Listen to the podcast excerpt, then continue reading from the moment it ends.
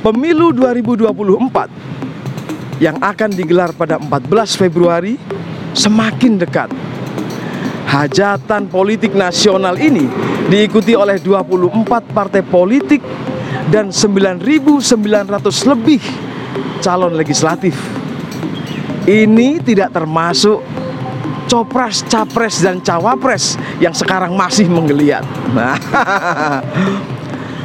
hajatan ini diikuti oleh semua pihak, tidak terkecuali para agamawan. Tapi ngomong-ngomong, bagaimana opini para agamawan terhadap pelaksanaan pemilu 2024? Seperti empat tahun lalu pada pemilu 2019, tahapan demi tahapan pemilu 2024 pun sudah bergulir sejak setahun lalu. Sampai CNN Indonesia Plus Minus ini dibuat, tahapan hajatan politik bangsa Indonesia itu akan memasuki fase pencalonan DPD, DPR pusat, provinsi, dan kabupaten kota, hingga pencalonan presiden dan wakil presiden. Setelah itu, masuk masa kampanye dan tentu saja pemungutan suara pada 14 Februari 2024. Selain tahapan-tahapan resmi, fakta di lapangan menunjukkan pemilu 2019 diwarnai dengan berbagai peristiwa yang menyesakkan dada.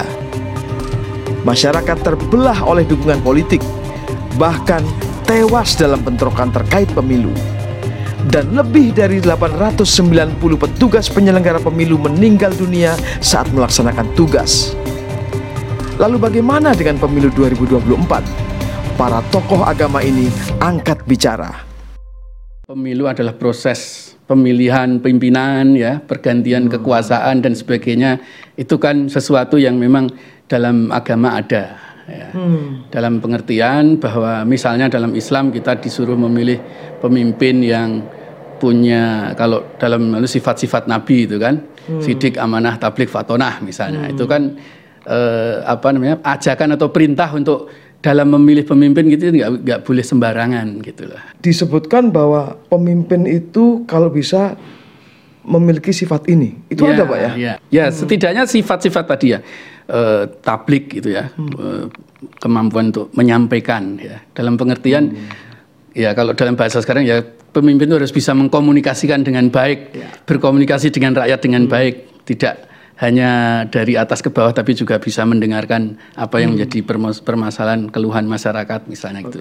Dan tablik amanah ya, oh. amanah hmm. dalam kepemimpinan dia harus memegang uh, kepemim apa memegang amanah, tidak boleh khianat misalnya kan hmm. kan gitu.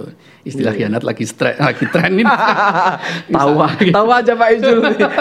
Kemudian hmm. uh, apa sidik ya, sidik hmm. itu dapat dipercaya ya kan hmm. dapat dipercaya ya saya kira uh, omongannya itu bisa dipegang lah kira-kira gitu hmm. nah, sidik ya kemudian fatonah nah, ini yang juga penting pemimpin itu harus cerdas ya. Cerdas pinter gitu lah gitu lah. kita nggak boleh memimpin cari pemimpin kok terus yang gak tahu akhirnya gitu nggak gitu tahu masalah okay. gitu ya. Tentu dalam kapasitas sesuai dengan kepemimpinannya masing-masing kan.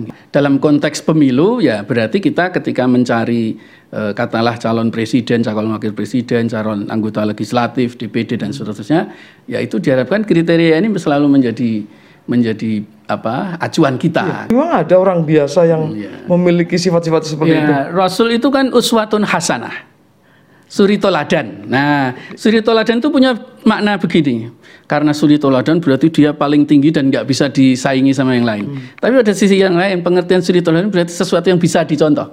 Artinya kalau kita sungguh-sungguh bisa mencapai pada titik yang hampir sama lah iya, iya, dengan iya. Rasul. Nah gitu. Kalau misalnya ada pemilih yang merasa tidak ada yang memiliki sifat-sifat seperti Rasulullah, terus dia nggak milih, ya gitu gimana? Ya kalau menurut saya kita harus uh, mencari yang terbaik daripada yang jelek-jelek itu misalnya gitu kan.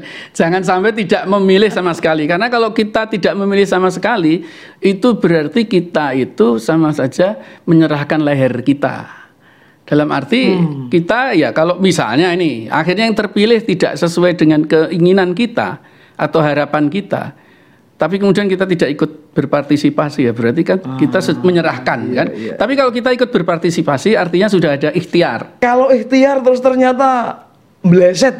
Nah, itu fatawakal Allah. Kita serahkan Ah. Kan faida azamta fatawakal Allah. Kalau kita sudah berusaha semaksimal mungkin ya kita tawakal pada Allah. Bisa jadi jadi begini. Kepemimpinan itu ada kemungkinan pemimpin yang menjadi rahmat bagi kita. Artinya ini kan berarti kita eh, diuntungkan dengan posisi pemimpin itu. Tapi bisa juga pemimpin itu muncul sebagai ujian. Serangan fajar, isi tasnya berapa, pemberian-pemberian. Menurut Islam itu gimana sih Pak? Ya, jadi sebenarnya kalau dalam Islam itu antara yang menyuap dan yang disuap. Ini sebenarnya konteksnya lebih luas ya, tidak hanya dalam persoalan ini, tapi dalam konteks berbagai hal ya masuk neraka katanya. Dosa masuk neraka. Jadi baik yang menyuap maupun yang disuap. Nah, dalam konteks ini kan menyuap dan disuap dalam kepemimpinan gitu ya. Jadi sesungguhnya kalau kita mau mau lebih dalam ya, kalau kita sampai menerima atau memberi seperti itu ya itu sebenarnya bisa juga menjadi semacam mendekati itulah kira-kira Kan gitu. Itu rezeki Pak. ya tadi boleh kita anggap sebagai rezeki, tetapi kalau kemudian itu menggadaikan katakanlah moralitas kita, menggadaikan nilai-nilai. Tadi misalnya kan kita kriterianya empat tadi misalnya, tapi gara-gara isi tas tadi akhirnya kita tidak memperhatikan kualitas empat itu, ya berarti kan kita sudah menggadaikan itu. Kemarin itu sampai ada pembelahan cebong, kampret. Bapak udah kasih tahu Iya, ya. Itu gimana sih Pak? Kok apa namanya dukungan terhadap kandidat itu sampai begitu rupa? Nabi pernah mengatakan janganlah kamu membenci sesuatu terlalu berlebih-lebihan karena suatu saat bisa jadi kamu nanti eh, apa berbalik menjadi cinta gitu. dan sebaliknya mencintai sesuatu terlalu berlebihan tapi suatu saat bisa jadi kita malah benci. Nah ini yang mungkin sesungguhnya kita nggak boleh. Ya segalanya harus apa sak madyo kalau orang Iya, Jawa iya, bilang iya, ya Se- secukupnya lah gitu loh. Secukupnya. Nah, Sedang-sedang nah, iya, saja. sedang-sedang saja. Ah, iya, iya. Nah ini konteks ini yang barangkali mungkin perlu menjadi perhatian kita. Memilih pemimpin ya saya kira juga kita tetap ada eh, apa ya pujian boleh tapi tetap ada wilayah kritiknya juga harus ada. Kenapa sih pemilu itu? Tujuan utamanya sih untuk memilih ya. Ini pemilu dan kepemimpinan sebetulnya ya kepemimpinan baik itu pemimpin nanti yang di legislatif maupun yang ada di eksekutif ya. Maka intinya kita akan memilih seseorang ya orang terbaik di republik ini ya untuk untuk menjadi pemimpin ya. Nah, maka kita ingin mendapatkan pemimpin yang betul-betul yang yang amanah gitu ya. Jadi di dalam uh, kita di dalam ajaran Hindu yang mampu kata kuncinya adalah yang bisa menegakkan dharma. Menegakkan dharma. Apa itu Pak? Dharma di sini artinya dharma tidak ada yang mendua, yaitu Tuhan itu esa. Jadi dharma artinya uh, Tuhan, juga dharma juga artinya kebenaran. Dharma juga artinya kewajiban. Nah, maka dharma ini diterjemahkan dalam Hindu, misalnya yang sering didengar itu dharma agama, dharma negara. Lengkapnya seperti ada dharma sastra, ada referensi, ada kitab sucinya. Ya, dharma gita ada budayanya. Dharma agama, sastra agamanya seperti apa nih? Dari kitab suci, terjemah dan terusnya. Dharma negara, kita selaku anak bangsa, warga negara Indonesia, kita harus yakin terhadap dasar negara kita. Ya, ideologi negara kita dan seterusnya. Nah, maka kita juga ada Dharma Yuda bertempur dengan benar. Bertempur dengan apa? Bertempur terhadap dirinya, hawa nafsunya. Nah, maka tadi sampai dengan dharma eh, kita dharma yatra dari tempat benar ke tempat benar. Ya. Ujungnya dharma santi, siklus hidup. Dharma, dharma, dharma, benar, benar, benar dan terus benar. Sampai ke liang kubur pun kita harus benar. Memilih pemimpin yang begitu sempurna. Ya. Padahal kita tahu manusia tidak ada yang sempurna. Nah, gimana itu Pak? Nah, maka kita ingin membangun sumber daya manusia. Indonesia ini harus lebih baik kan? Iya, iya. Nah, saya suka singkat-singkat karena saya dulu tentara dari bahasa-bahasa untuk anak-anak milenial dari zaman Ramayana sampai generasi Z sekarang, ya. Topik pem- kepemimpinan ini luar biasa terus kita akan sampaikan ya, selalu jadi topik yang sangat hangat kan gitu. Nah, maka kita ingin membangun SDM. S yang pertama sadar, Sadar. Karena agama juga untuk menumbuhkan kesadaran rohani kita. Kan itu intinya. Hmm. Supaya dia yakin apa pun agamanya. Mau Islam, Hindu, Kristen, Buddha, Konghucu, apa pun. Kan? Kata kuncinya, jadi pemimpin nasional harus mampu mengimplementasikan nilai-nilai Pancasila. Itu jati diri bangsa kok. Jati diri kita kan. Pancasila ini kan. Ketua Nama Esa. Nah, orang yang merasa dirinya bertuhan berarti beri kemanusiaan. Beradab dia. Saling menghormati kayak kita dulu ini. iya, iya, ya. iya, Nah, kita saya pakai udang, sini pakai peci. Ah, ini ini inilah kebinekaan yang luar biasa ini. Ini kebinekaan. ya. Kita duduk bersama. Ini ada Sabtu Timur 7. Jangan sombong karena masih muda, karena cantik, sehat, ya, karena pinter, ya, karena pangkat, jabatan, kedudukan atau turunan. Jangan sombong. Jangan sombong sama sekali jangan sombong. Kita belajar. Berarti tetap pada apa namanya ukuran-ukuran itu ya untuk menentukan siapa caleg yang dipilih, capres dan cawapres yang Contoh dipilih. tadi, kita tata dulu, tata di keluarga, ya, tata diri, tata di keluarga, keluarga sukinah atau kesakinah kalau di muslim ya, sukinah, baik enggak bapak ibu, ya, ya anaknya dan sebagainya, track recordnya dilihat, jejaknya kan, iya, iya, mak saling datang. Track record. Nah, Jangan pernah nanti ada oligarki yang pakai duit, pakai kejar kekuasaan. No, no, no. Nggak boleh kan? Nggak, bo- nggak boleh seperti tidak boleh seperti itu. oke. Ya, ya. Pak Mo, mohon maaf saya potong sedikit. Ya, ya. Lalu dalam politik itu sering dikesankan begini Pak, alah percuma, nanti janji manis di awal, lalu ketika jadi nggak terlaksana. Nah, kalau dari dari ajaran Hindu, gimana sih Pak orang yang seperti itu Pak? Jangan jangan lupa di Hindu ada hukum karma pala. Karma itu perbuatan, pala hasil. Ya, bisa diterima hari itu juga, bisa nanti, bisa akan datang anak cucu kita. Loh, loh, apa enggak, enggak serem tuh, hati-hati, hati-hati ya. Di dalam agama Konghucu yang kurun waktunya sudah hampir 5000 tahun ya usianya bahkan 4000 tahun 4500 tahun yang lalu sudah ada sistem seperti ini. Artinya ada sistemnya, Pak, sudah ya? ada sistem seperti ini pada zaman Yao Sun I ada tiga raja itu 2500 tahun sebelum Masehi. Uh, bahkan lebih tua dari usia Konghucu sendiri karena Konghucu itu nabi terakhir. Nabi ke-30 dari rangkaian nabi. Uh, Yao Sun ini nabi ke- sekitar ke-8 9 10 gitu. Di situ sudah ada ucapan yang mengatakan Tuhan mendengar seperti rakyatku mendengar. Tuhan melihat seperti rakyatku melihat. Vox populi, vox dei, ya, seperti itu.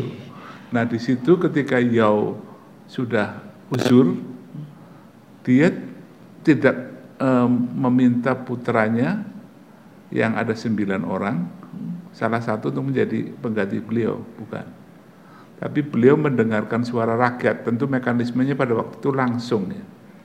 Ya, langsung kira-kira siapa yang pantas. Dan ketika suara rakyat itu menyebut nama Sun, padahal Sun itu konon bukan orang Han, bukan orang eh, suku mayoritas di wilayah Tiongkok sekarang, tapi keturunan Jepang, seorang petani miskin yang bahkan sering eh, di- mau dicelakakan oleh ibu tirinya. Tapi orang menyebut nama dia sebagai orang yang pantas. Kemudian Yo tentu tidak percaya begitu saja. Dia punya sembilan putra, punya dua putri. Dua putrinya dinikahkan dengan Sun. Agar bisa tahu perilaku Sun sehari-hari. Setelah yakin bahwa Sun itu pantas, Sun direkrut menjadi putra mahkota. Sebenarnya mau langsung dijadikan raja, tapi Sunnya sendiri juga tahu diri.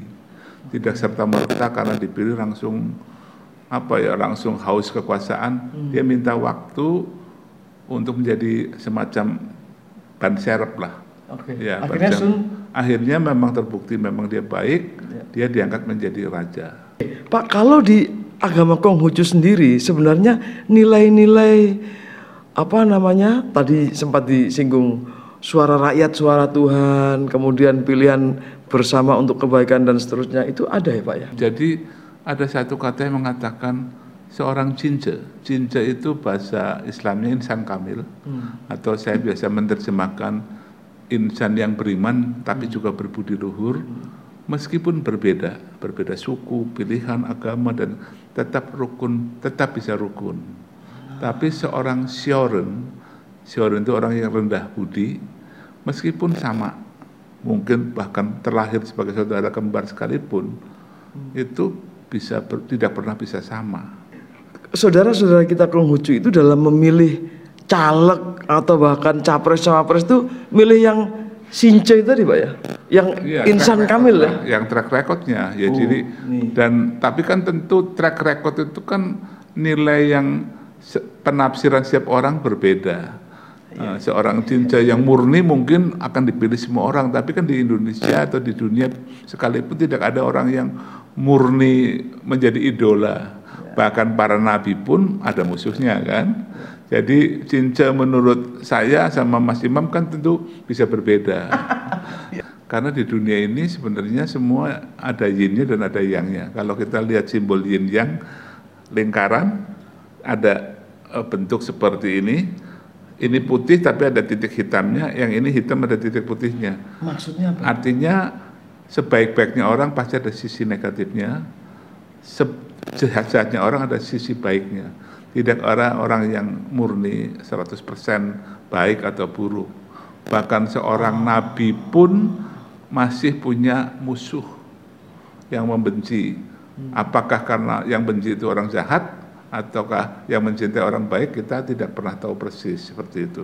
Nah inilah yang yang membuat kita harus menilai itu ya seperti pisau lah, bisa untuk memotong mangga disajikan pada anak suami atau istri yang tercinta bisa saja untuk nusuk orang ya. Jadi hmm. semua punya sisi plus minus. Tapi di dalam Konghucu soal kepemimpinan itu jelas bahwa pemimpin itu harus seperti bintang utara. Jelas arahnya hmm. jadi kunci yang pertama adalah pemimpin yang bisa dipercaya yang kalau dalam bahasa Konghucu itu pemimpin yang cerenyong Cek, cek itu apa? Cek itu pemimpin yang punya visi, punya rencana, punya uh, tujuan. Untuk itu dia belajar, untuk itu dia mengenal baik benar, arif bijaksana, dan untuk itu dia punya plan untuk menuju ke sana. Karena seperti bambu yang lurus itu ada ruasnya, jadi ada tahapan. Tuh, pemilu itu kan sebenarnya juga saat kita untuk sejenak berhenti ya setelah lima tahun satu pemerintahan berjalan, evaluasi. begitu di pemilu iya, kita iya. berhenti, kita evaluasi, kita melihat apa yang sudah kita jalani lima tahun. Tentu banyak hal baik dalam perjalanan lima tahun, tapi juga pasti ada banyak kekurangan, ada banyak eh, catatan-catatan uh, yang kita inginkan juga untuk diperbaiki supaya ke depan jadi lebih baik. Hmm. Maka saya kira kalau misalnya orang-orang menempatkan momen pemilu itu dalam konteks seperti ini, janji-janji itu tidak mengelabui. Orang bisa, orang bisa uh, melihat oh, yang iya, lima iya, tahun iya. lalu kan juga ada orang yang berjanji, tinggal dicek saja apa yang dijanjikan lima tahun lalu itu ditunaikan atau tidak. Termasuk di semua strata ya, Mo. Capres, cawapres, Ya saya kira itu berlaku untuk semua strata politik ya. Apalagi hmm. ketika kita bicara tentang kepemimpinan nasional di berbagai level. Hmm. Karena kita berjalan bersama sebagai bangsa dan kita ingin menentukan ini karena tahapan demokrasi kita menentukan lima tahun, maka kita ingin menentukan lima tahun ke depan kita mengharapkan nahkoda kalau kita mengibaratkan bangsa ini sebagai satu perahu, satu kapal yang berjalan bersama, kita tentu punya kualifikasi-kualifikasi. Kita mengharapkan yeah, yeah, nahkoda yeah, yang yeah, seperti yeah, apa yeah. dalam dalam ajaran gereja Katolik. Hmm. Kepemimpinan itu pelayanan.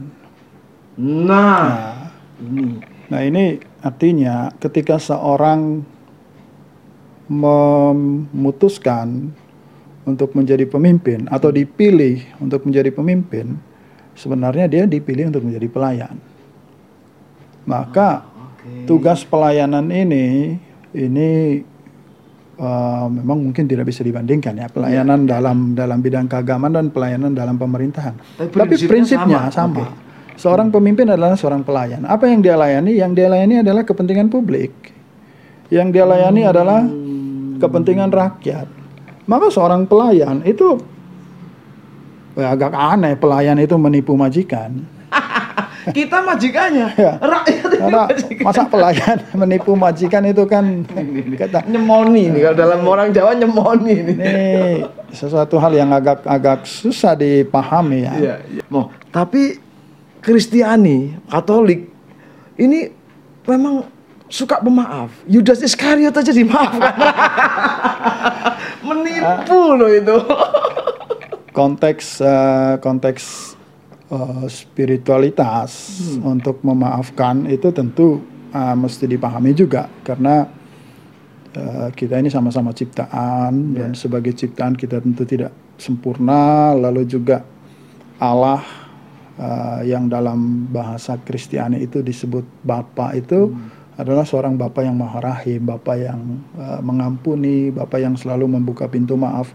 Untuk ini satu nilai yang nilai yang baik. Lu- luar biasa lah ya. maafkan. Tapi dalam konteks pemerintahan prinsip seperti ini tidak bisa. Prinsip seperti ini tidak bisa. Karena Enak aja apa? mereka nanti. Karena ini eh, kita memilih.